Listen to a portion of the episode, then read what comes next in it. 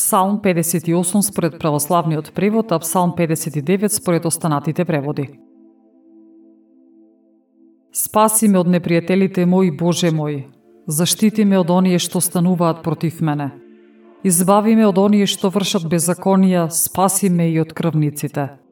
Зашто ете, тие ја демнат душата моја, ме напаѓаат силните без престав мој и без грев мој. Господи, без моја вина навалија на мене, стани, излези ми во пресред и погледај. Ти, Господи Боже на силите, Боже Израилев, разбуди се и казни ги сите овие народи и не поштедувај ниеден од оние што вршат беззаконие. Навечер, тие се враќаат, вијат како кучиња и одат околу градот. И ете, блујат со јазикот свој, во устата имаат меч, зашто си велат тие, кој ќе чуа? Но ти, Господи, им се смееш, им се подбиваш на сите безбожни народи.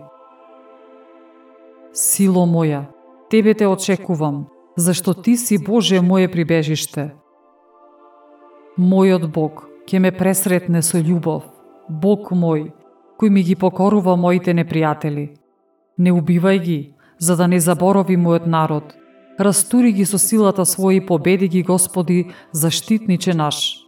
За гревот на устата нивна, за зборот во устата нивна нека се фатат во гордоста своја, бидејќи само клетви и лаги кажуваат. Истреби ги во гнев и нема веќе да ги има, за да увидат дека Бог управува над Јаков и до краиштата на земјата. Навраќаат секоја вечер, завиваат како кучиња и одат околу градот. Тие скитаат, барајќи храна, а кога нема да се заситат, ги поминуваат ноќите ржејки. Јас пак, со песна ќе ја славам Твојата сила и од рани зори ќе се зарадувам со Твојата милост, бидејќи Ти ми беше закрила и прибежиште во денот на мојата несреќа.